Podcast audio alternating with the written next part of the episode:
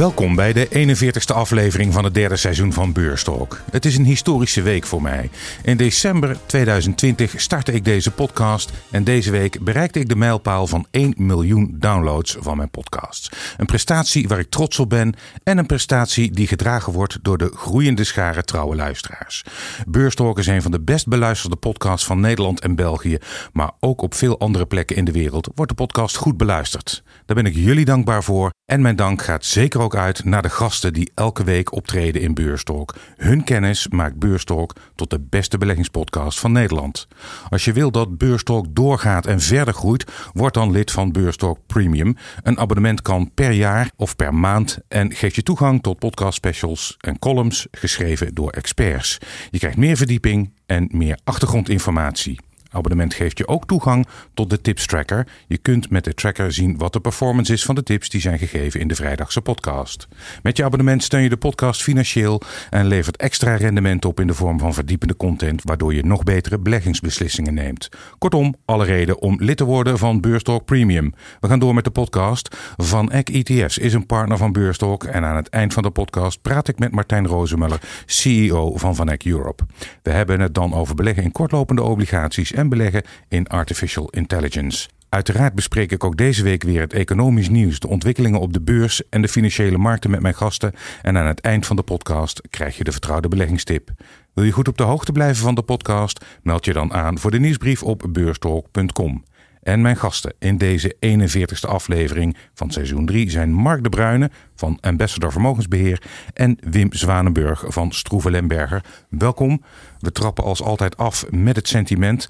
De afgelopen weken steeg de AEX redelijk, maar dat lijkt wat gestabiliseerd. Deze week staan we zelfs bijna een procentje in de min. Mark, wat verwacht jij voor de komende weken en maanden voor de beurs? Nou ja, het is. Um, het bedrijfsniveau is natuurlijk een beetje achter de rug. Uh, kwartaalcijfers vielen mij uh, overwegend uh, redelijk mee. Ja, dan krijg je nu toch een beetje een uh, nieuwsluwe periode. Um, ja, het is eigenlijk een beetje een saai spannende beurt op dit moment. Saai in die zin van dat er weinig bijzonder nieuws is. Saai ook dat de uitslagen op de beurs over het algemeen ook niet erg hoog zijn. Dat zien we terug in de lage volatiliteitsindex. Ook de, en ook de credit spreads die uh, vrij uh, laag zijn. Ja, aan de andere kant zie je wel de spanning terugkomen omtrent een, een aantal macrozaken. Denk aan uh, of we wel of niet een recessie krijgen. Duitsland is al in een recessie. of ja Um, of er een akkoord komt over de schuldenplafond. Uh, je hebt natuurlijk de geopolitieke spanningen. En daarbovenop, ja, de waarderingen op de beurs zijn best wel stevig. Dus uh, ja, wat dat betreft denk ik toch wel dat... Um, ja, ik ben wat uh, gematigd voorzichtig in ieder geval over de breedte van de beurs. Gematigd voorzichtig over de breedte van de beurs. Wim, Sluit je je daarbij aan? Uh, of? Ja, in, in, in die bewegingen wel. Uh, al uh, had ik gisteravond nog een intens gesprek met een collega uit de sector. En die internationale geldstromen ziet. En die ziet ook vooral dat er nog heel veel geld langs de kant staat. Hm. En uh, we hebben afgelopen week ook uh, van bepaalde fondsen, waar we straks nog nader over spreken, een koersexplosie uh, gezien. en technologieaandelen, groeiaandelen, in tegenstelling tot vorig jaar, hebben het dit jaar heel erg goed gedaan. En ik zag ook een rapport van Morgan Stanley aan het begin van deze week dat, we, dat de grote institutionele beleggers in de VS underowned en uh, zeg maar een te laag exposure hadden, gewoon onder de weging in de index en dergelijke. In uh, ja, fondsen als uh, Microsoft, Apple en Nvidia en Salesforce en noem maar op. Ja. Dus ja, ook Alphabet stond in dat rijtje. Dus ja, dan denk ik, uh, we zien nu eigenlijk afgelopen weken, niet precies deze week, maar we hebben afgelopen drie, vier weken wel ook een soort FOMO-relling uh, gezien. Een beetje fear of missing out zeg maar, van alsnog zorgen dat je aanhaakt. Ja, en dat zou best door kunnen zetten. Maar zoals Mark ook uh, aangaf, er zijn enkele macro-economische onzekerheden. En natuurlijk uh, ten laatste niet uh, ook vooral het schuldenplafond. Dat heeft mm. deze week echt ook boven de markt gehangen de XD uh, die nadert uh, rap. Aan het begin van de week zag ik dat uh, de Amerikaanse cash balance van de Treasury, van de Amerikaanse ministerie van Financiën om uitgaven te doen, van 140 miljard naar slechts 57 miljard was gedaald. Nou, je ziet dat ook terug hè, in bijvoorbeeld geldmarktpapier, wat heel kortlopend is, wat zeg maar zelfs boven de 6% uitstijgt. Hm. En je ziet het ook een beetje terug in de, zeg maar de yieldcurve, de rentecurve ook van obligaties. Kortlopend papier staat wat vooral in de VS hoger dan zeg maar langer uitstaand papier.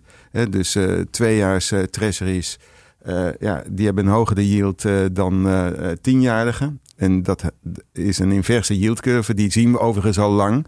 Maar dat zou traditioneel ook op recessie duiden. Nou, die recessie is niet gekomen in de VS. Maar ja, nu net in Duitsland wel wat berichten. Maar ik noem het wel een statistische eh, recessie, want het is nog eh, heel, heel, heel matig. Het is ook nog niet echt, eh, echt diep. Maar als we twee opeenvolgende kwartalen van krimp hebben, en dat wordt gerapporteerd door officiële instellingen, dan wordt het de econoom in het jargon wel als een recessie aangeduid. Maar als je nou al die zaken bij elkaar neemt, hè, je zou kunnen zeggen een wall of worries. Dan zou je eigenlijk ook tot de eindconclusie van Mark moeten komen, namelijk. Nou ja, precies. Dat zeg ik ook uh, gematigd uh, voorzichtig. Uh, we hebben natuurlijk al behoorlijke koerssprongen gezien. Je to date, als ik dat even op mijn schermpje ook even nakijk. Nou ja, eh, vooral ook Europese beurzen. Hè. De AEX die staat nog zo ruim 10% uh, boven het beginpunt van het, uh, van het jaar. Mm wat je de laatste weken weer ziet is dat Amerika, wat eerst achterbleef... En, en dat dat gewoon weer bijtrekt. En met name ook de Nasdaq en de Nasdaq 100. ja, dat, dat stoomt op. En de Nasdaq 100 die staat, of de, de brede Nasdaq, die staat zelfs meer dan 20% in de plus dit jaar. Wat je wel ziet is dat um, de indices worden gedragen door een kleine slechte groep van bedrijven die mm. het voor dit jaar erg goed doen. Overigens vorig jaar behoorlijk uh, klappen hebben gekregen. Maar je ziet wel dat uh, ja, in de breedte ja, hebben veel aandelen helemaal niks gedaan. Ja, ja, ja. Dit, dit, dit klopt. Daar wil ik graag op aanvullen, uh, Rob. Uh, met name ook het eerste kwartaal. Hè. Toen werd eigenlijk uh, de S&P ongeveer door tien aandelen naar boven gestuurd. En uh, ja, daar zit het rijtje in wat ik net al noemde. Hm. Vooral ook die technologie- en groeiaandelen. die hebben al een flinke inhaalslag gemaakt ten opzichte van het verlies wat ze vorig jaar leden. En toen steeg de inflatie en de rente, dat hield langer aan. En dat zette met name die groeiaandelen onder druk. Groeiaandelen hè, met verder in de tijd wegliggende kaststromen. Als je dat verdisconteert, hè, dus tegen een hogere rentevoet, dat is zeg maar het waarderingsmechanisme, dan komt het onder druk te staan. Dus je zag ook veel koersdoelen naar beneden aangepast. Maar nu, afgelopen weken, loopt de rente toch wat op. In Amerika wat op. Maar dan zie je eigenlijk toch dat die groeiaandelen het desondanks nog redelijk goed doen. Dus uh, eigenlijk dat ze een beetje door de rentebarrière ook uh, heen breken. En dat eigenlijk vooral de fundamentele ontwikkeling uh, overheerst. Nou, en ik herinner even, Rob, we hebben het vorige kalenderjaar afgesloten. en dat was een mooie oudejaarsuitzending. En daar had je de titel aangegeven 2023 wordt het jaar van fintech, maar ook van AI, hmm. artificial intelligence komen we nog uitgebreid over te spreken, zou Dat is zo zonder meer uh, uit, uh, uitgekomen. Dat uh, was wat meer dan een lucky shot, maar dat kan je wel zeggen. AI is gewoon het buzzword.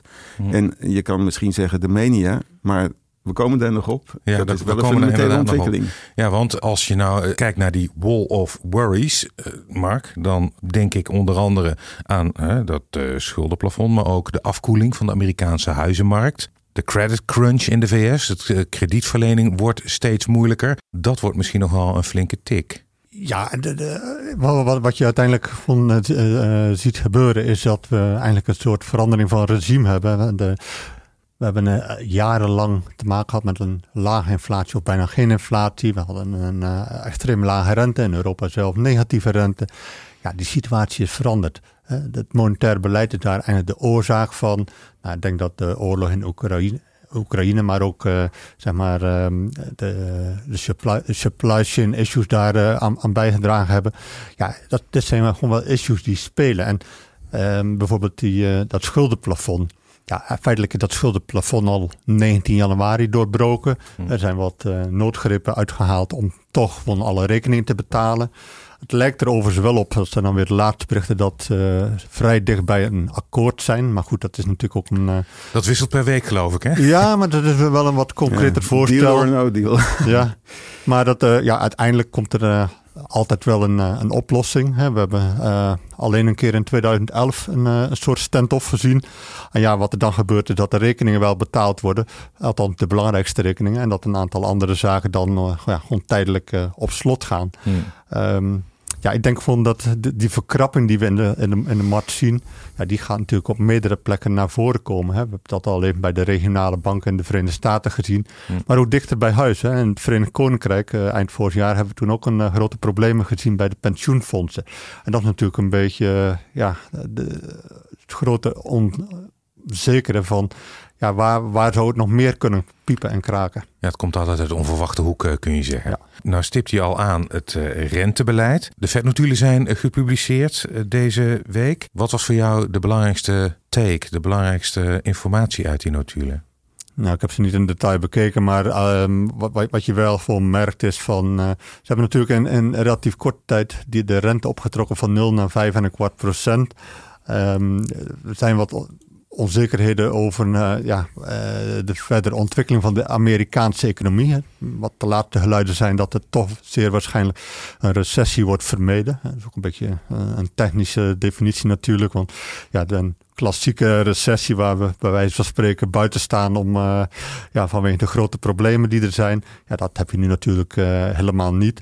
Nee. Um, ja, de, de toelichting eigenlijk op het eh, rentebesluit uh, is wat afgezwakt. Hè. De vorige keer was het toch nog echt van uh, we moeten verder gaan om de inflatie te beteugelen. Nu proef je eigenlijk iets van we gaan de rente voorlopig even niet verhogen. Bijzondere situaties daar gelaten. En ik denk ook op zich dat dat verstandig is. Want ehm, je hebt een aantal maatregelen genomen, een aantal rentestappen gezet. Je moet ook eens even kijken wat de impact van die maatregelen is.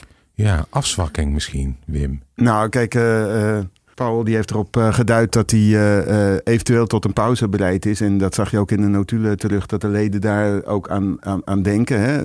de, de rente is gewoon vanaf begin vorig jaar nog nooit zo snel verhoogd als als in deze periode. Natuurlijk historisch ook om, was het, ja. Historisch gewoon. En ook omdat natuurlijk de inflatie pijlsnel uh, steeg. En die is, zoals de Amerikanen zeggen, sticky, hardnekkig. Hmm. En dat zien we eigenlijk uh, wereldwijd, maar om uiteenlopende oorzaken. Wat uh, Paul ook altijd zegt, is dat het data dependent is. En dan hebben we natuurlijk verschillende factoren, zoals inderdaad credit crunch, de regional bank crisis. Uh, ze moeten af en toe extra geld juist in het uh, systeem pompen, bijvoorbeeld om de geldmarkt uh, draaiende te houden. Dan komt de renteverhoging eigenlijk ook niet goed, goed uit.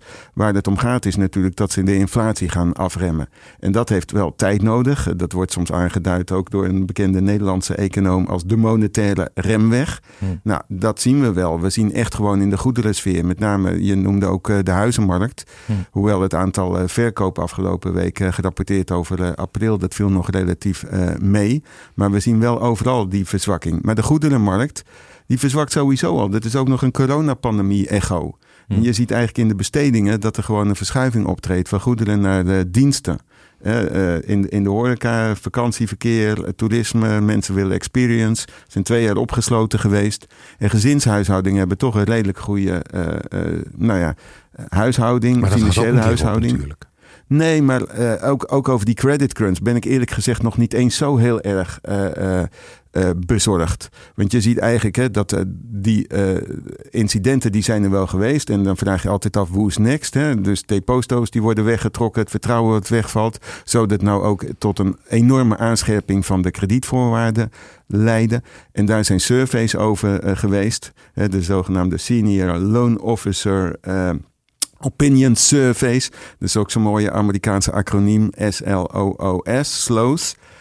maar, en dan zie je eigenlijk wel dat sinds maart uh, eigenlijk banken nou niet eens zo heel erg veel voorzichtiger zijn uh, uh, geworden. Daarvoor was al een verscherping en een verslechtering van de financiële condities. Met name door de grootste factor, de prijs van geld. Dat de rente namelijk was, mm. was opgelopen. Kredietvraag van bedrijven neemt ook af. Dus eigenlijk kredietverlening is natuurlijk ook niet alleen kredietaanbod, maar ook kredietvraag. Veel ondernemingen hebben een goede kaststroom, beter dan verwachte resultaten. Dus uh, kunnen ook op een andere manier uh, hun investeringen financieren dan alleen maar via bankleningen. Hmm.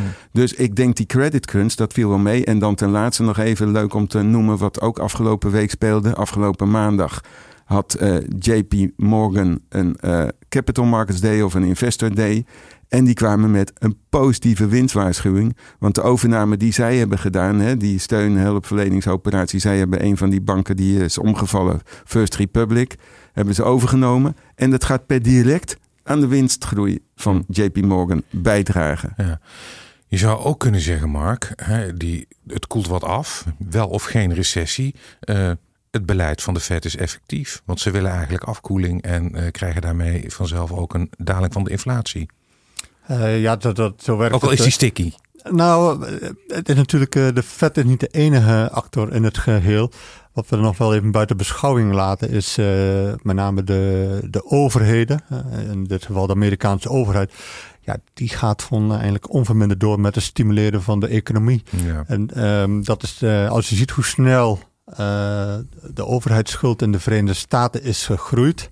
En ook wat het absolute niveau is. Je zit daar op ongeveer 120% uh, staatsschuld. Ja, ik denk dat dat eigenlijk veel meer nog het probleem is uh, waar Amerika tegenaan loopt dan zozeer het, uh, het schuldenplafond. Hmm. Ja, en aan de ene kant, hè, de Fed die doet dan wel middels renteverhogingen uiteindelijk ja, de economie wat afkoelen. Maar als aan de andere kant overheden doorgaan, ja, is het effect van die, uh, um, het uh, handelen van die centrale banken toch beduidend uh, minder. En je ziet zoiets ook eigenlijk wel in Europa gebeuren. Hmm. Je moet altijd naar het totaal van de economie kijken. Afgelopen week waren er veel cijfers van de zogeheten inkoopmanagers voor de verschillende landen. En er viel echt één ding op. Dat de goederensector, de industriële sector, die liet een matiging zien, een negatieve impact. Bijvoorbeeld in de VS kwam de PMI-cijfers uh, slechter uit dan verwacht. Ook onder de 50, wat dan uh, duidt op een krimp. Maar daarentegen de dienstensector, die kwam ruimschoots boven verwachtingen uit. Waardoor de composite, het gezamenlijke cijfer van de inkoopmanagers, ook nog weer beter was dan verwacht. 54,5. En ja, dat duidt toch nog steeds inderdaad op expansie van de economie. Dus uh, ja, die recessie, in ieder geval in de VS, die wordt toch wel verder naar de achterkant, naar de horizon verschoven. En de arbeidsmarkt is ook nog steeds uh, krap. En dat is natuurlijk ook de grote vraag bij de inflatie. Hebben we te maken met een loonprijsspiraal? Nou, daarom Knot en andere presidenten van centrale banken, die uh, manen de vakbonden daarom ook mede tot loonmatiging en het wat nou ja, wat inbinden met hele sterke looneisen. In Duitsland, Mark, daar staat de economie er niet goed voor. Die is dus inderdaad uh, nu uh, in een recessie terechtgekomen. Sterker nog, ik las dat de economie er op dit moment in Duitsland slechter voor staat dan voor de coronacrisis. Dat is op zich al zorgwekkend, maar dat roept bij mij ook de vraag op wat betekent dit voor de rest van Europa? Wat denk je?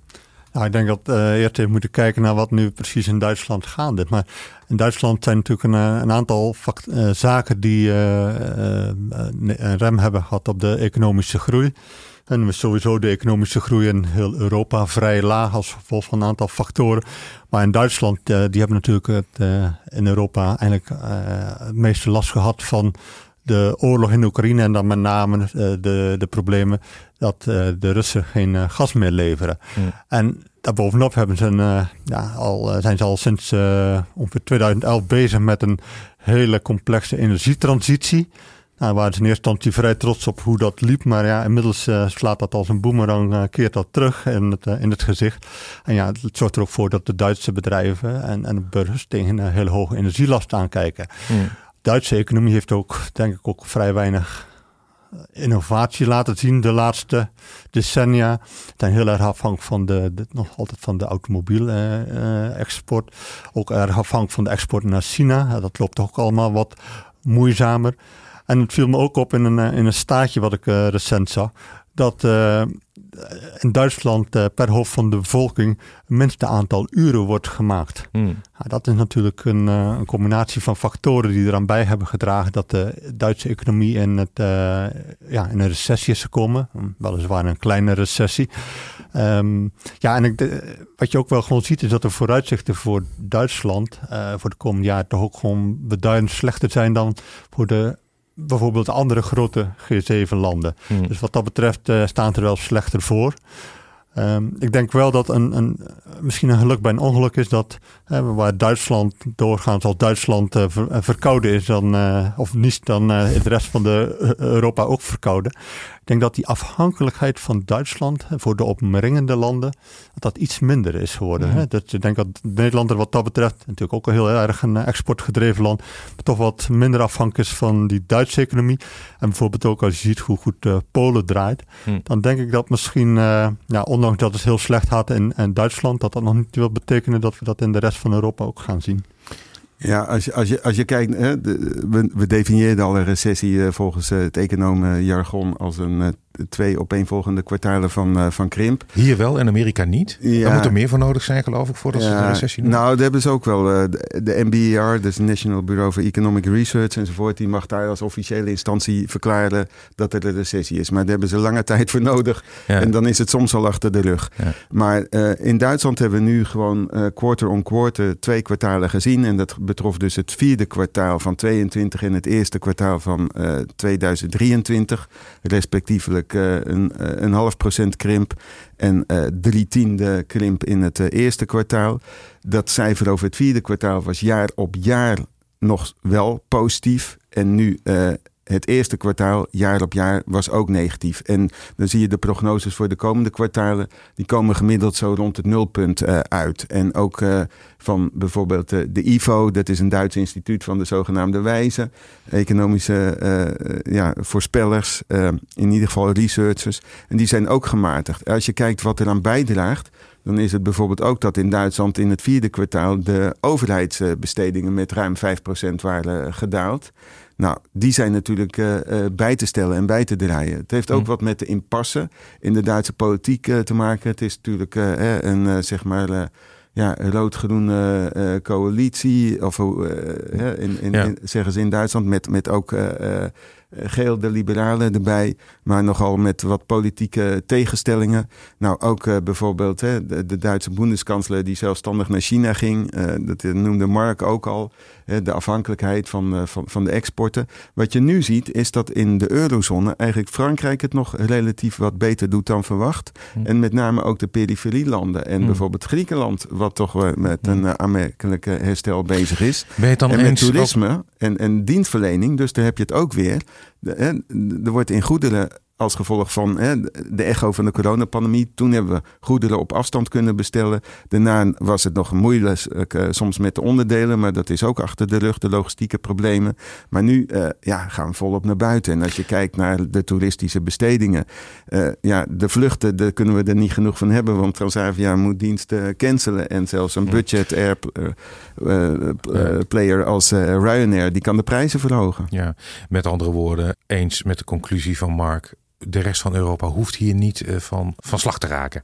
Ja, het, het is de locomotief die misschien uh, wat de traditionele locomotief die wat uh, stilvalt, maar ja, de trein rolt nog wel door. En Mark, je had het al eerder over, en dan gaan we weer even terug naar de VS, over dat schuldenplafond. Ja. Vandaag uh, weer wat positieve geluiden inderdaad. Er wordt verder uh, gepraat, maar uh, we zei, constateerden ook al eerder, de ene keer is men optimistisch, de andere keer gaat het weer heel stroef. Denk je dat de laatste berichten inderdaad wel duiden op een ja, overeenkomst? Nou ja, uiteindelijk natuurlijk lastig in te schatten. Beide partijen proberen de schuld bij de, de ander neer te leggen.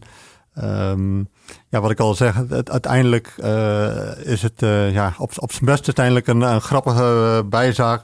En in het slechtste geval een, ja, een gevaarlijke afleiding. Maar er zijn andere zaken die veel belangrijker zijn. En um, ja, ik denk uiteindelijk dat, dat ze wel tot een akkoord komen. En dat ze toch daar beide belang bij hebben. En um, ja, ik maak me er niet zo'n zorgen om wat dat betreft. Non-issue. Nou, misschien nou, geen non-issue, dat, dat, dat, dat, niet, maar, maar, maar, maar, men komt er wel uit. Ja. Op, op, op korte termijn zie je gewoon dat die onzekerheid dan, dan hoog is. En dat zie je ook de, terug in die uh, uh, nou ja, bijvoorbeeld die treasury bills enzovoort. En ook kredietbeoordelaars, die moeten natuurlijk waarschuwen. ja, Janet Yellen, die spreekt ook het congres vermanend toe. Uh, ja, als, als dat schuldenplafond bereikt wordt en uh, inderdaad, ze mogen geen uitgaven meer doen dan betekent dat ambtenaren salarissen niet meer uitbetaald kunnen worden. Dat nationale parken bijvoorbeeld ook dichtgaan. Uh, de dienstverlening, vergunningverlening van de overheid aan de private sector, die komt tot stilstand. Dus ja, dit heeft gewoon effecten. En ja, dan kan je zien, dat kan een tijdje uh, duren. Maar ik denk, ze hebben nu wel een overeenkomst bijvoorbeeld over uh, nou ja, het niet te veel de belastingen verhogen. En bijvoorbeeld wel extra militaire uitgaven en uitgaven aan de veteranen. Dat is ook altijd een heel gevoelig issue in de Amerikaanse politiek. Daar hebben ze wel inmiddels al overeenstemming over bereikt. Wat er een, misschien nog veel belangrijker is, dat als er een akkoord is, dan moet de Treasury op grote schaal obligaties uitgeven. Zeg maar 700 tot 1000 miljard dollar. En dat zal wel wat liquiditeit uit de markt trekken. Dat is ook dat je dus de laatste tijd ook weer ziet dat de 10 jaar rente in eh, de VS toch uh, flink aan het oplopen is. Althans van een paar weken terug nog op 3,3 procent. En nu zitten we rond de 3,8 procent. We gaan van rente even naar dividend, uh, Mark. Uh, Egon Asset Management die voorspelt een gouden eeuw voor dividenduitkeringen en inkoop van eigen aandelen. Beleggen dus in aandelen die een stevig dividend uitkeren. Zeg maar die dividend aristocrats. Um, ben je het daarmee eens? Nou ja, ik denk dat... Uh, dat die categorie ehm, eh, zeker in Europa heel aantrekkelijk gewaardeerd is. Ik denk dat de markt nog onvoldoende inprijst dat we in een omgeving zitten waarbij de rente hoog is en langer hoog zal blijven.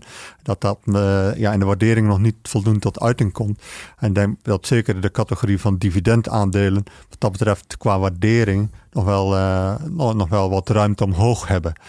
En ik denk wel overigens bij dividendaandelen dat je vooral voor die spelers moet gaan die ehm, niet alle winst uitkeren, maar een, een, redelijk deel uitkeren als dividend, maar ook nog ja, gebruiken voor groei van de onderneming. Hmm. En wat dat betreft, als je, je kunt beter vaak een, een aandeel hebben wat 3 à 4 procent dividendrendement heeft. En dat ook jaar in jaar uit weer te verhogen dan die eh, bedrijven die op hele hoge percentages zitten en dat dan toch vaak uh, niet kunnen volhouden. Ja. Dus van dat uh, vaak wel van belang van hoe is de dividenddekking door de kaststroom. Zie jij een gouden eeuw voor dividendaandelen? Nou, ik weet het niet eerlijk gezegd. Ik heb daar toch wat kanttekeningen bij, wat twijfel. Allereerst wil ik ook uh, Mark aanvullen door te zeggen van als je belegt in dividendaandelen, dan moet je zeker kijken of ze niet alle kaststromen uitkeren. Mm. Uh, wat is bijvoorbeeld de pay-out ratio, hè? dus het totale deel van, van de winst. En uh, ja, de winst kan fluctueren. Dus als je bijvoorbeeld in enig jaar zit met een pay-out ratio van bijna 100 of boven de 70 procent, ja, dan moet je gewoon uh, daarvan af zien. De dividend aristocrats die je noemde, dat is op zichzelf positief, want dat wordt opgebouwd met een track record van ondernemingen die een x aantal kwartalen en jaren achter elkaar uh, winst hebben uitgekeerd. Maar ook een groei van uh, de dividenden laten zien. Dus dividendgroei zou ik ook zeker naar kijken. En dus ook onderliggende winstgroei en onderliggende omzetgroei. En dan over de relatieve aantrekkelijkheid. Ja, de rente is opgelopen. Dus beleggers die zoeken naar een inkomensstroom kunnen natuurlijk ook in rentetitels, in gewoon in obligaties.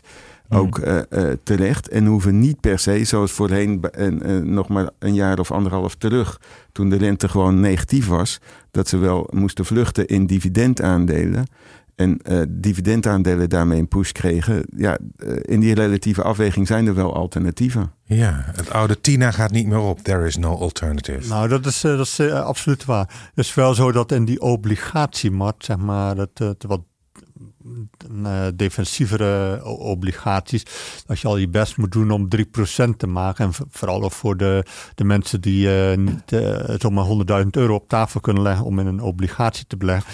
Er zijn niet zoveel obligaties die in coupures van duizend gaan, waar je meer dan 3% op maakt in de eurozone. En dan kom je al snel op uit bij heel veel Duitse industrials.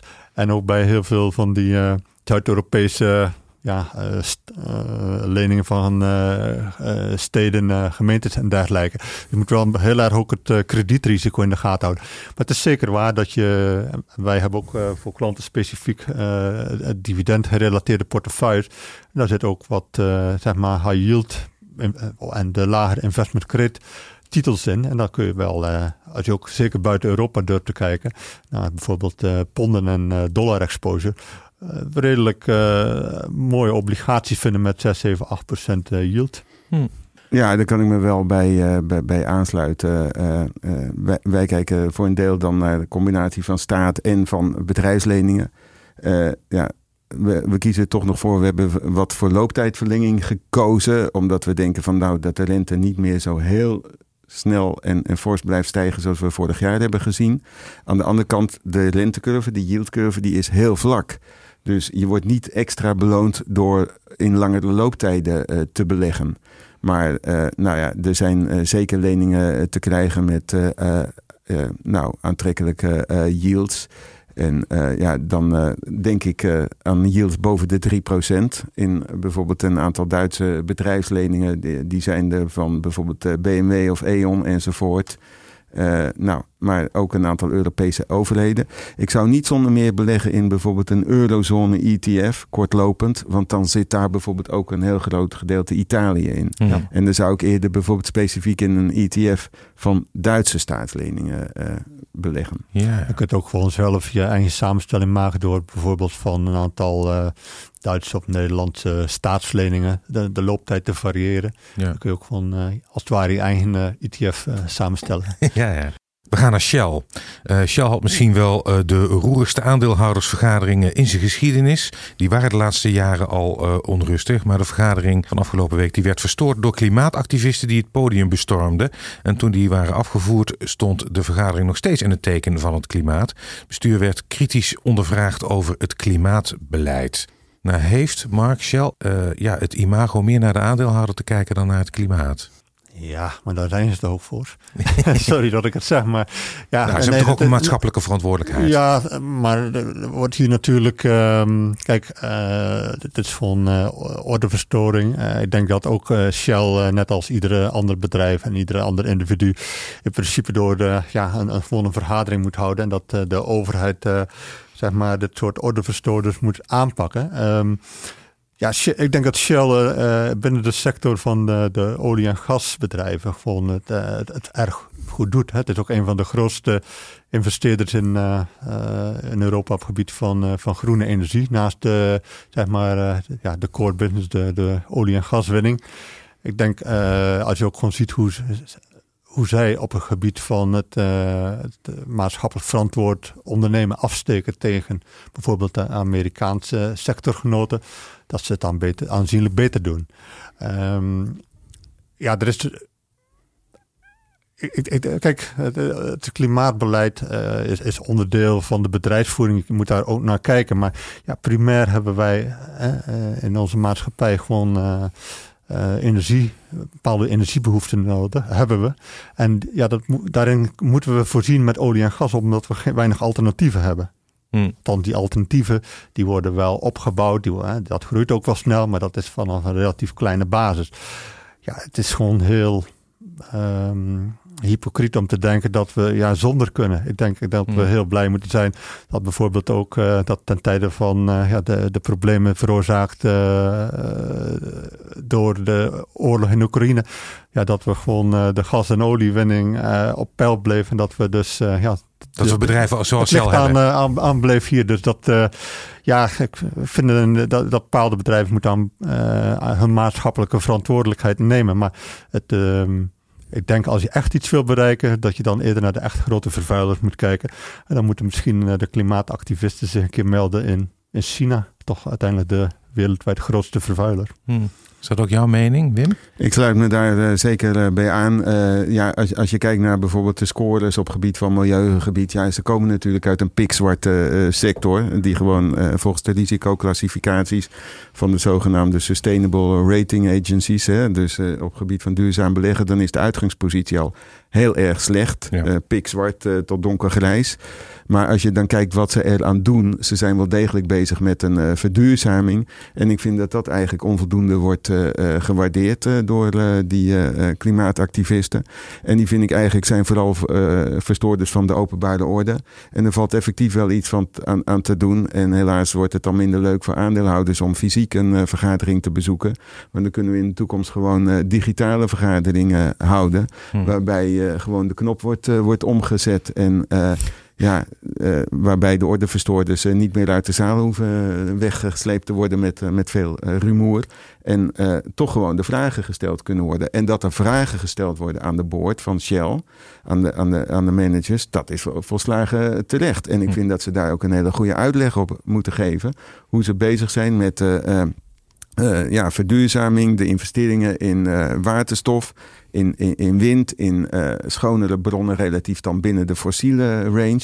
Dus meer in gas dan in, in, in olie. Maar ja, het is wel zo dat zeg maar, de oliemaatschappijen, de olie- en gasmaatschappijen, die zullen gewoon stranded assets hebben, zoals dat wordt aangeduid.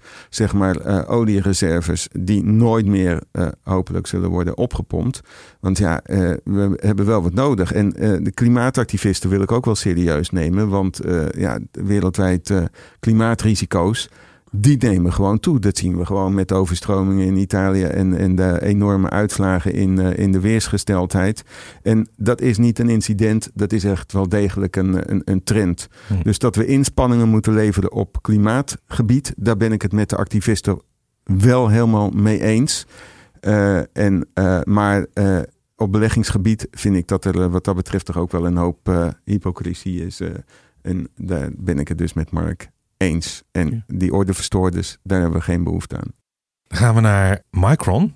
En dan heb ik het over de strijd tussen China en Amerika. Die is een nieuwe fase ingegaan. China laat geen chips meer toe van de Amerikaanse fabrikant Micron. Die zouden een bedreiging vormen voor de kritieke infrastructuur van China.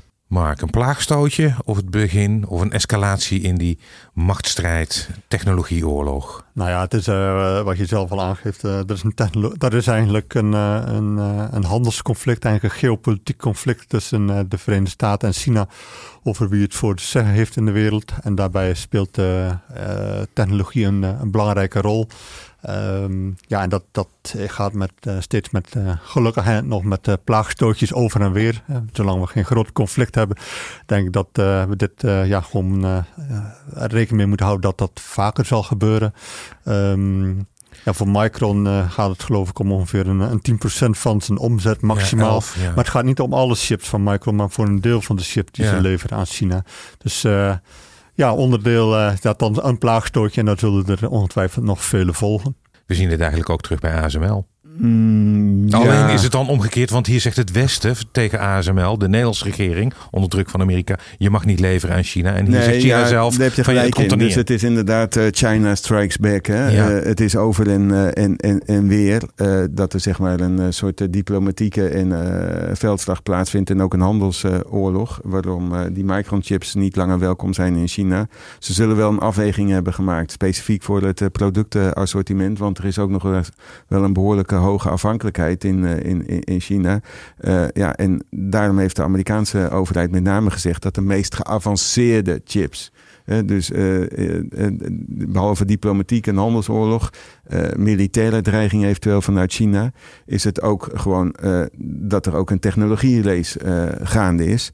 En op dat gebied loopt China en ook met de eigen ontwikkelingen niet bepaald acht, achterop. Hm. Maar ja, er is wereldwijd met globalisatie van de afgelopen twintig jaar wel een wereldwijde verwevenheid, ook over en weer. productieketens die zijn in heel veel onderdelen uiteengeblokt en overal hebben ze optimalisatie gezocht. Dus dit is wel mogelijk aan twee kanten uh, vervelend.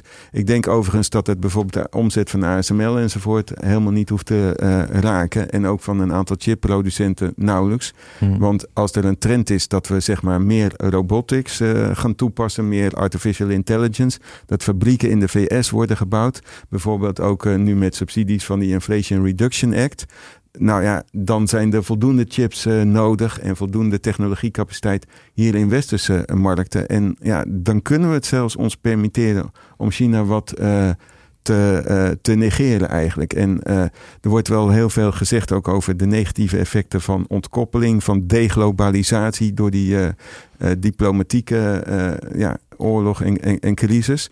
Maar zelfs Trump, die bijvoorbeeld die handelsoorlog ontstak, het gevolg was dat er veel andere meer bilaterale akkoorden tussen landen en regio's werd afgesloten. En dat per saldo bijvoorbeeld barrières werden afgebouwd. Hmm. Dus nou, of hier nou sprake is van dat dit een voorbeeld is van de deglobalisatie, waardoor het fout loopt. Ik denk dat we een, misschien een multipolaire wereld krijgen.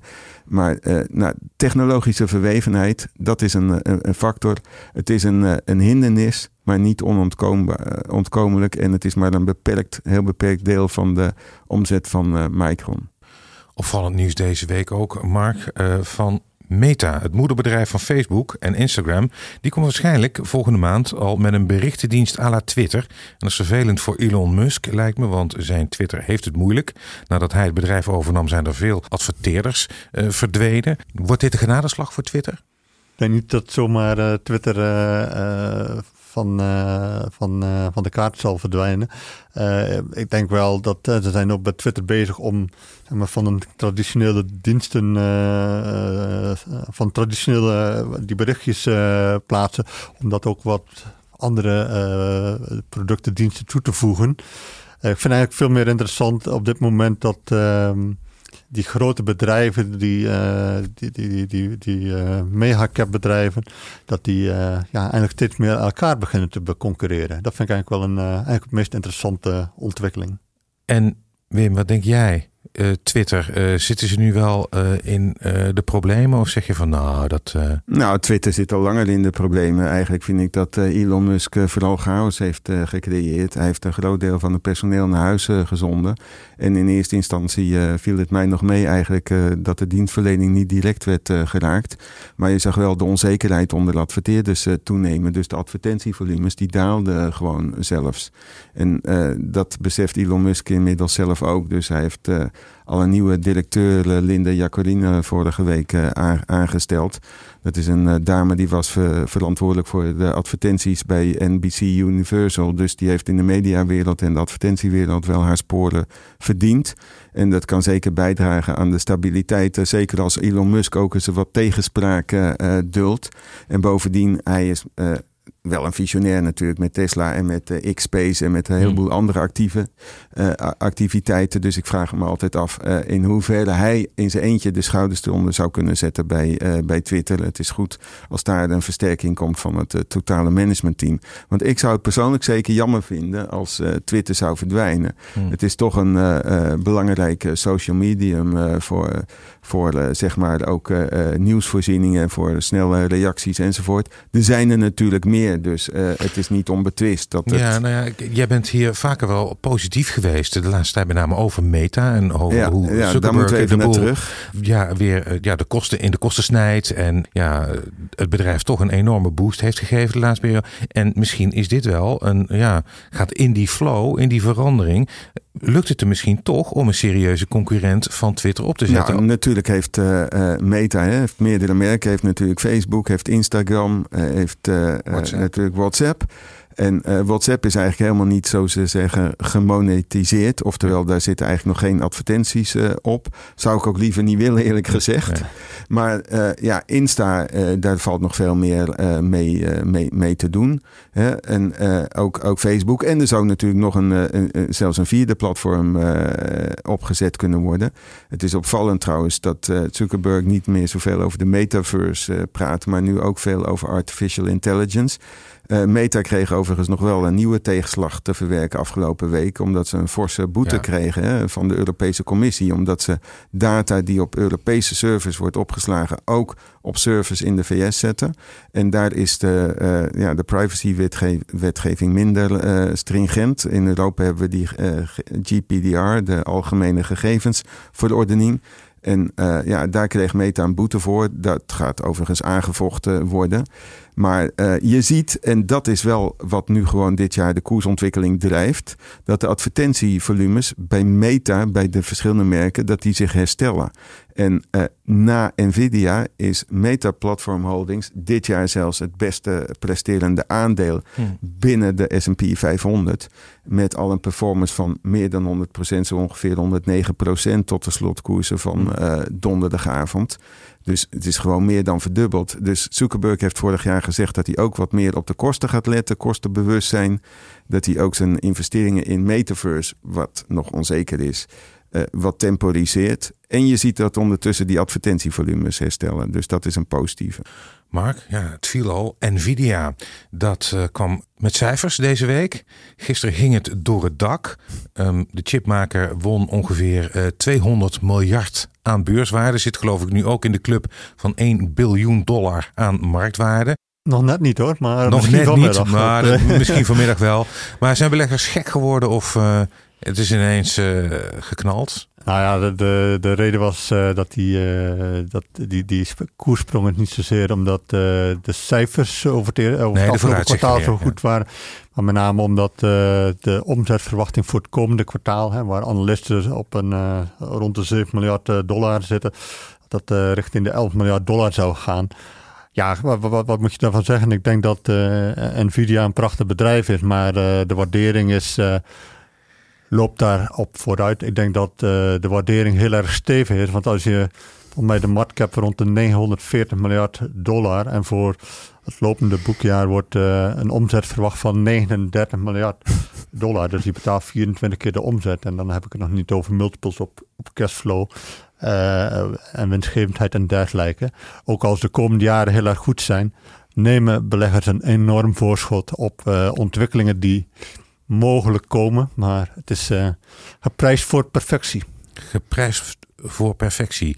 Wim, ik kan me voorstellen dat jij er iets anders over denkt, want jij nou, ziet veel, ja, in AI. Ja, ik zie daar veel in. Uh, en, en daar kan ik inderdaad breed over uitweiden. Maar die cijfers van Nvidia, die waren toch echt wel heel goed. Uh, uh, wat Mark zegt, de cijfers die gerapporteerd werden die waren nog niet zo goed. Nee, maar de daling van de omzet en van de winst per aandeel... die was wel uh, minder dan werd gevreesd. Dat ten eerste.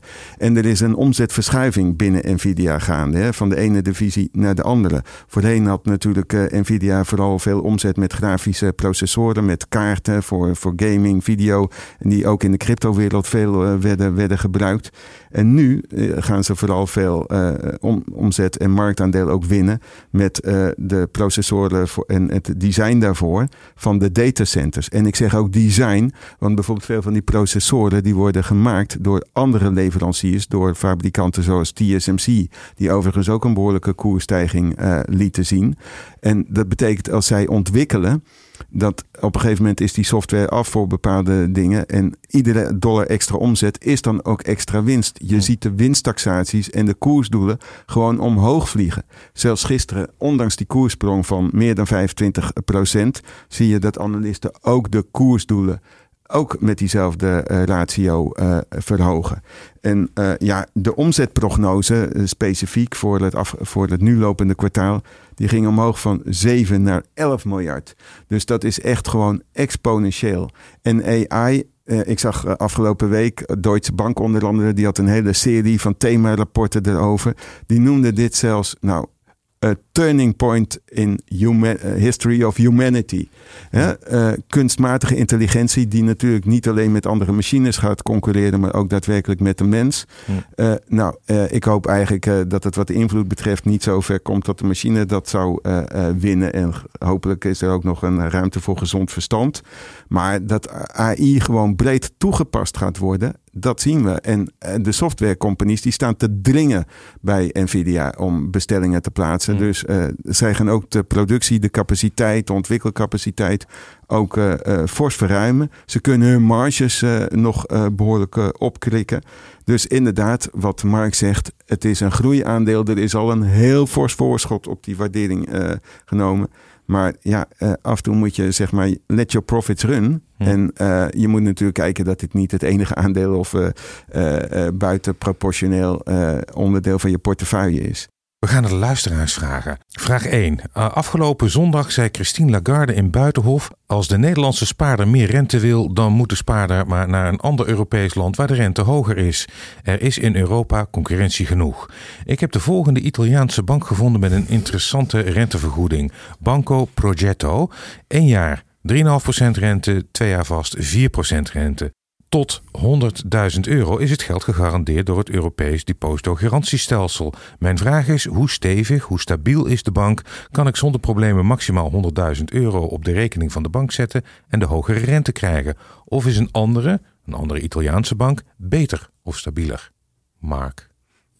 Ja, ik krijg hier toch een beetje iSafe uh, déjà vu. Um, laten we zo zeggen dat uh, in, in, Europa is het ten nog niet eens zo gemakkelijk om van het ene naar het andere land uh, geld over te boeken. Dan moet je soms bij je eigen bank toch nog wel een aantal zaken uh, aanmelden.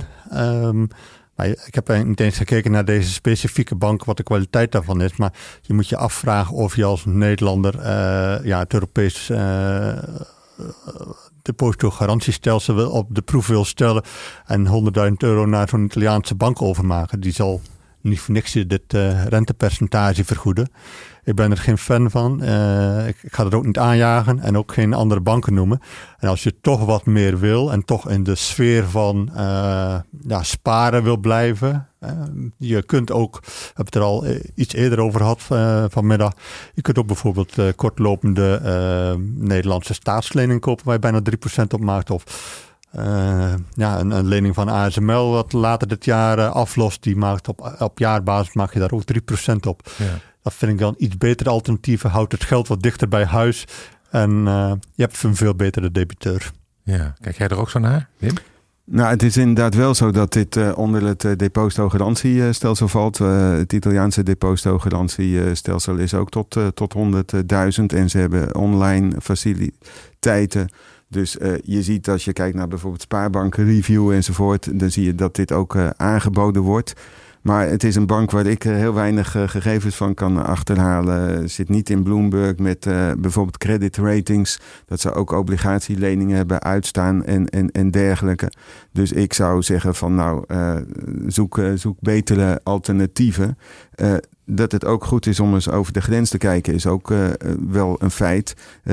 De concurrentie binnen de verschillende Europese landen, die is toch, toch wel wat beperkt. En Lagarde zegt dan ja, die kijkt op de totale Europese markt. Maar zo is dat niet in de beleving van verschillende spaarders. En ik ben het wel eens met uh, Mark dat er ook uh, alternatieven zijn in de sfeer van uh, kortlopende obligaties. En op dat gebied ook ETF's.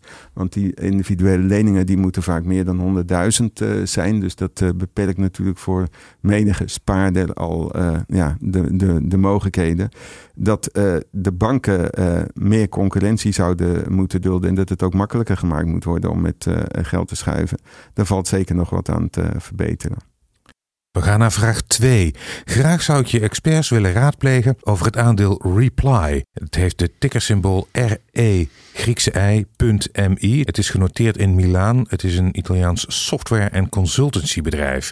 Ik ben geïnteresseerd in de markt waarin ze opereren en ook in hun businessmodel. Echter, ik vind het lastig om te bepalen of het bedrijf zelf een goede koopkans is. Het aandeel is erg volatiel en de koers-winstverhouding is aan de hoge kant. Hoewel het aandeel flink is gezakt vanaf de top, lijken de bedrijfscijfers fundamenteel redelijk te groeien.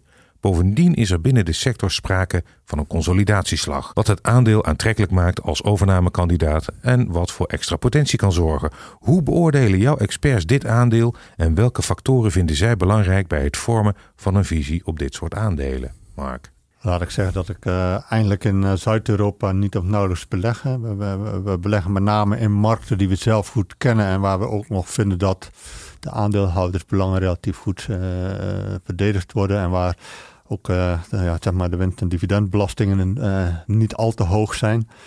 Um, dus in Italië, daar kom ik niet zo snel in terecht als je nou zo'n aandeel bekijkt, ja, dan moet je in eerste instantie natuurlijk niet een mening vormen over wat ze precies doen. Uh, ja, wat hun business is. Hoe afhankelijk ze zijn van een aantal klanten. Ja, hoe uniek dit concept is. Want er zijn heel veel van dit soort bedrijven.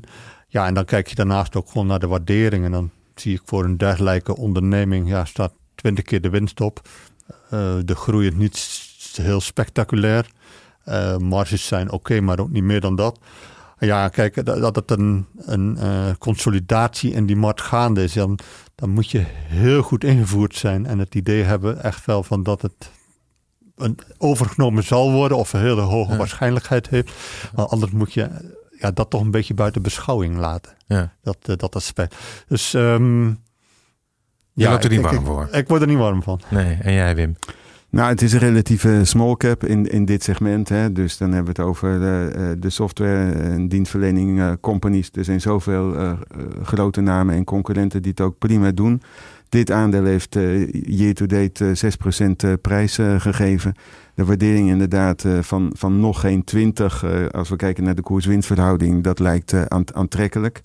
Maar ja, dit is natuurlijk een sector die enorm uh, groeit. Je moet naar de business kijken, je moet kijken naar de uh, klanten. Nou, dan vind ik het eigenlijk niet afwe af, uh, opwegen tegen, gegeven die onzekerheid. En ja, de, vooruit, de, de, uitstekende gang van zaken in, in de sector, bij de, bij de grote concurrenten. Kijk dan bijvoorbeeld naar een, een aandeel als Accenture, als je het mm. bijvoorbeeld ook over automatisering en systeemintegratie kijkt. Dit is inderdaad ook een heel volatiel aandeel wat echt uh, uh, fors heen en weer schiet. Dus eh, wat mij betreft met de marktkapitalisatie van, even kijken, nog, zo, nog geen 3,8 miljard vind ik het ook nog binnen de sector de relatief kleine speler. En dan ten laatste, wij moeten ons natuurlijk ook verlaten. Hè? Wij zijn portfolio managers en buy-side analisten. Dan kijken we in onze financiële informatiesystemen naar de rapporten van de zakenbanken.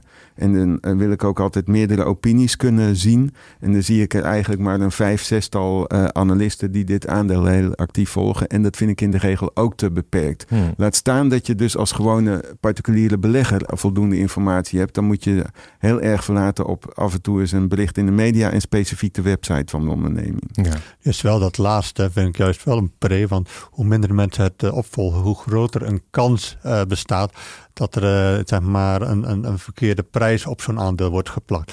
maar je moet wel heel goed je huiswerk doen. Hm. En het, wat ik ook al eerder aangeef, ja, het is te ver van huis in een, ja, in een hele specifieke sector. Dus ik, hm. ik zou het niet doen ook niet dicht bij huis, Mark, is Australië. Daar gaat uh, de volgende vraag over. Een regio waar ik amper iemand over hoor spreken is Australië.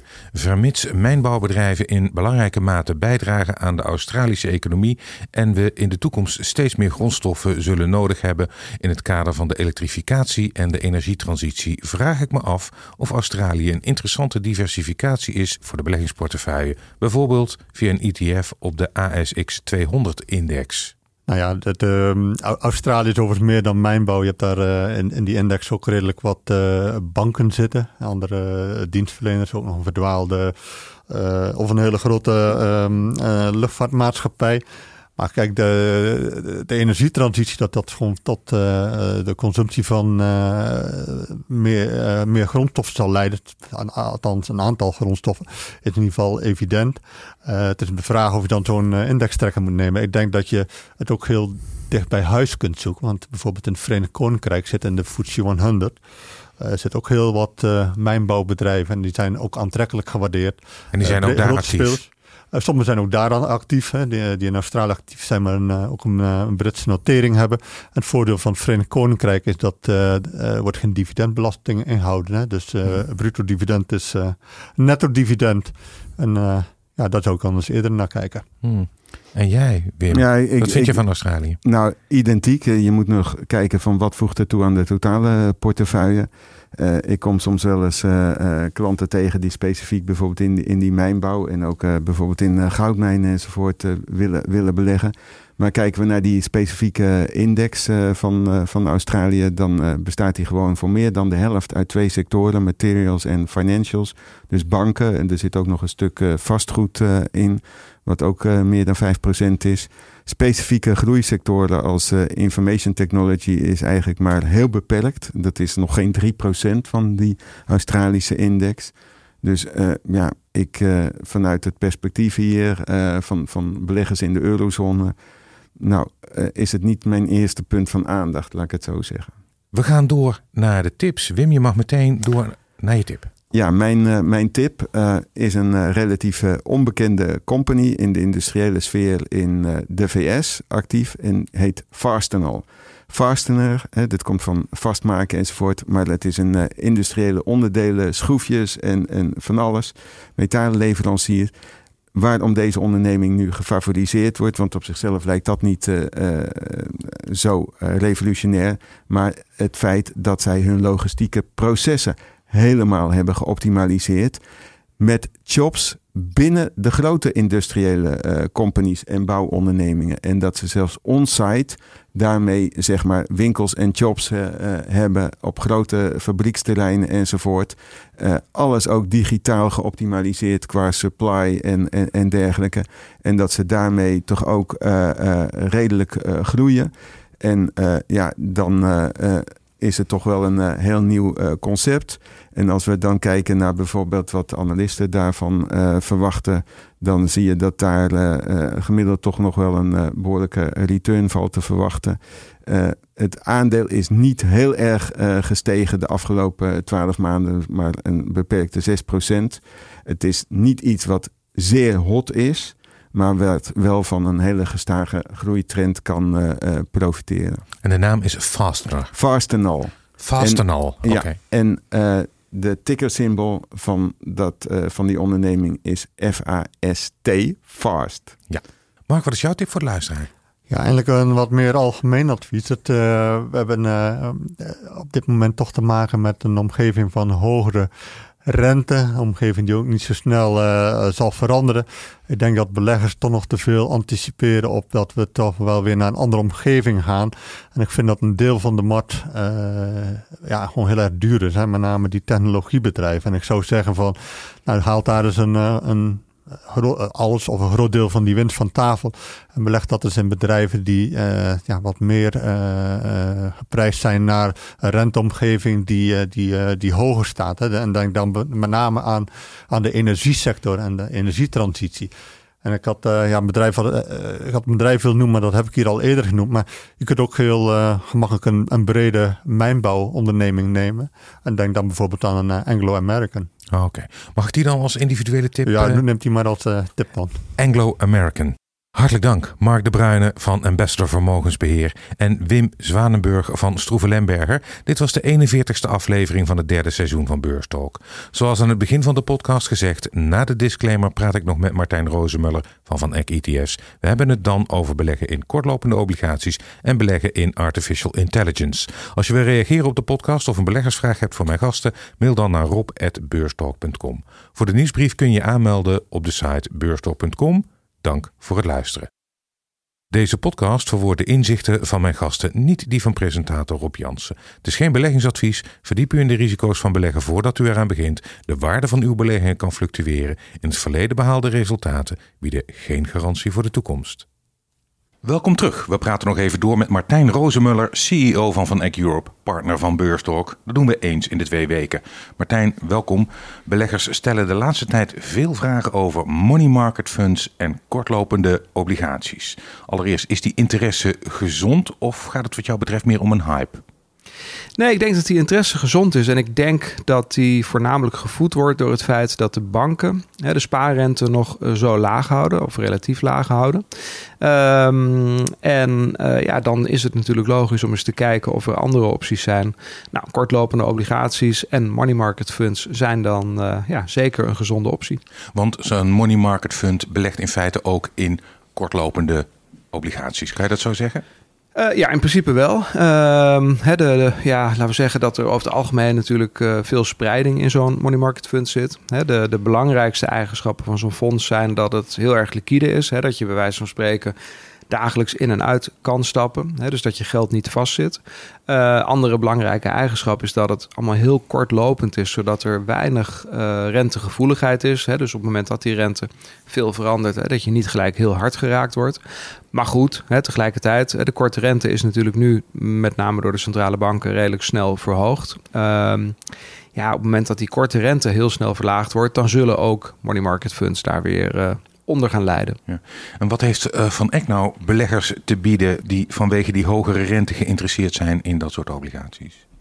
Nou, eigenlijk zitten wij aan het uh, nou ja, iets langere stukje van het spectrum. Uh, we hebben een aantal obligatie-ETF's, zes om precies te zijn op het moment. Um, en, en ja, weet je, de kortstdurende duration, zeg maar even de, de gemiddelde looptijd die we hebben, is uh, ongeveer 3,5 jaar. Hè, dus dat is, dat is relatief lang. Um, als je gaat kijken, hè, dan zeker als je in het stuk zit met de hele veilige, saaie staatsobligaties en een looptijd van, van, van 3,5 jaar. Nou, daar, daar ga je richting een, een pak een beetje 2,5% uh, aan yield. Hè, dat is in ieder geval beter dan de spaarrente. Zeker. Uh, gezien die korte looptijd hè, is de impact van een eventueel stijgende of straks misschien weer dalende rente, is, is beperkt, maar die is er wel. Hè? Dus je mag nooit als aanbieder uh, praten over een alternatief uh, ten opzichte van spaargeld, omdat er ja, toch wel wat meer uh, nou ja, risico aan zit. Het blijft natuurlijk heel beperkt, dat risico. Maar het is er wel. Hè. De afgelopen uh, 12 tot 18 maanden hebben we gezien hoe uh, nou ja, veilig geachte staatsobligaties toch opeens best een flinke daling kunnen laten zien als die rente hard oploopt. Nou, ik denk niet dat er heel veel mensen zijn die verwachten dat uh, de rente nog een keer uh, met, met 4, 5 procent stijgt. Maar goed, je mag niks uitsluiten. Dus, um, en, en aan de andere kant, uh, aan de andere kant van het spectrum hè, hebben we ook nog wel een aantal obligatie-ETF's die bijvoorbeeld nou ja, wat langer lopen. Hè, of iets minder veilige overheidsobligaties in zich hebben. Hè, denk daarbij aan, aan de, meer zuidelijke Europese landen. Maar bijvoorbeeld ook emerging markets. We, hebben ook, we hebben ook producten die zich richten op de, de ja, leningen uitgegeven in emerging markets. Zowel van bedrijven, maar ook van overheden. Uh, waarbij je zelfs ook nog kan denken aan overheden die dan in lokale valuta uitgeven. Nou, daar wordt het allemaal natuurlijk een heel stuk spannender. Hè. Dan ga je ook naar yields van, van pak een beetje 10%. Uh, maar goed, risico en rendement gaan natuurlijk hand in hand. Hè. Dus als belegger moet je er absoluut van bewust zijn dat op het moment dat een obligatie of een product, uh, mandje obligaties, hè, dat soort rendementen geeft, ja, dan zit daar ook meer risico aan. Zal het product ook bewegelijker zijn. Dus daar moet je wel tegen kunnen zou je kunnen zeggen, kijkend naar het huidige renteklimaat, dat het misschien verstandig is om niet alleen naar die kortlopende obligaties te kijken, maar juist ook die langerlopende obligaties in het oog te houden? Of dat die misschien ook wel ja, interessantere kansen bieden dan voorheen? Ja, het is uh, denk ik inmiddels wel bekend dat mijn voorkeur uitgaat naar spreiding. ik denk dat je in, in alle opzichten uh, ja, gewoon goed gespreid moet zijn. En niet moet proberen hè, de markt te voorspellen in de zin hè, dat je denkt dat je juist alleen maar kort lopend zou moeten hebben nu of juist alleen maar langlopend. Ik denk dat het goed is om een stukje spreiding aan te brengen. En nou ja, dat kan dus zijn uh, gedeeltelijk money market funds, hè, gedeeltelijk uh, wat langer lopende staatsobligaties van veilige Europese overheden, hè, tot misschien nog wat langer lopende bedrijfsobligaties of zelfs emerging markets met eventueel die local currencies. En ja, op het moment dat je die, die spreiding hebt, dan zul je gaan zien dat door de jaren heen, ook binnen dat, uh, nou ja, laten we het even de obligatiebucket van je portefeuille noemen. Binnen die bucket zullen dan af en toe wat verschuivingen plaatsvinden, waardoor je wellicht een deel wat oploopt, misschien een gedeeltelijk wil afbouwen. En een deel wat dan relatief gezien wat gezakt is, uh, dan weer kan opbouwen. We zullen in de nieuwsbrief ook verwijzingen opnemen naar de obligatie-ETF's van Van Eck. Maar we zijn nog niet helemaal klaar, Martijn. Want wat ik ook veel binnen hoor komen, interesse van luisteraars in artificial intelligence. Wat zou je beleggers willen aanraden die daarop willen meeliften? Nou, ten eerste super interessante ontwikkelingen die daar gaande zijn. Ik denk dat daar uh, ja, de komende 10, 20 jaar nog heel veel gaat gebeuren. En ik denk inderdaad voor beleggers interessant om daarop in te spelen. Uh, bij Van Eck hebben we als het om speciale thema's gaat of speciale ontwikkelingen altijd het idee dat we dat pure play willen doen. Hè? Dus een, uh, laten we zeggen, ETF gericht op artificial intelligence zou alleen maar moeten beleggen in bedrijven die minstens 50% van hun uh, omzet uit die uh, tak van sport halen. Dat is op dit moment nog best moeilijk. Hè? Er zijn niet zo heel veel bedrijven die, laten we zeggen, puur en alleen uit artificial intelligence toepassingen uh, meer dan 50% van hun omzet halen. Dus je kan dan beter kijken naar, uh, nou ja, laten we zeggen, bedrijven die daar mee te maken hebben. Of misschien wel sectoren die ermee te maken hebben. De meest voor de hand liggende is de halfgeleidersector. Uh, de Vanek halfgeleider ETF, hè, die is natuurlijk daarop gericht. En om uh, kunstmatige intelligentie verder te ontwikkelen, hè, zijn er natuurlijk heel veel uh, ja, uh, chips nodig. Um, maar, en ik hoorde toevallig vanochtend in een podcast die ik luisterde, er is ook een bepaalde belemmering voor de uh, groei van die kunstmatige intelligentiesector. En dat heeft met name te maken met stroomverbruik. Hm. iets wat we ook bij crypto uh, natuurlijk gehoord hebben. Ook hier speelt dat uh, toch echt wel ja, behoorlijk. De, ehm, de oplossingen die nu draaien, die vergen best veel energie. En op het moment dat dat breder gebruikt gaat worden, ja, dan zal dat dus toenemen. Dus um, ja, ik denk dat het interessant is. Ik denk dat je als belegger dus bijvoorbeeld door in de semiconductors te beleggen daar een beetje van kan profiteren.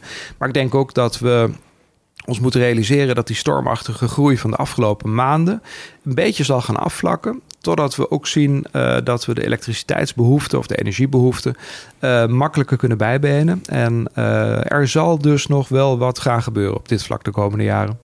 Maar een ETF die zich richt op artificial intelligence, die uh, aan jullie criteria voldoet, die laat nog wel even op zich wachten. Die laat denk ik nog even op zich wachten. En de producten die er wel zijn, hè, de, nou ja, de luisteraar die kan via, laten we zeggen, Google, denk ik wel een paar beleggingsproducten vinden die op kunstmatige intelligentie ge gericht zijn. Nou, ik denk dat het heel verstandig is om dan goed te kijken in welke bedrijven wordt echt belegd. En in, in hoeverre zijn dat echt bedrijven die een groot deel van hun nou ja, winst, omzet uit kunstmatige intelligentie halen. Martijn, dankjewel. De gepresenteerde informatie door Van Eck Management BV en de aan haar verbonden en gelieerde bedrijven samen van Eck is enkel bedoeld voor informatie- en advertentiedoeleinden aan Nederlandse beleggers die Nederlands belastingplichtig zijn en vormt geen juridisch, fiscaal of beleggingsadvies van Eck Asset Management BV is een UCITS-beheerder. Loop geen onnodig risico. Lees de essentiële beleggersinformatie of het essentiële informatiedocument. Ga voor meer informatie naar www.vaneck.com/nl/nl.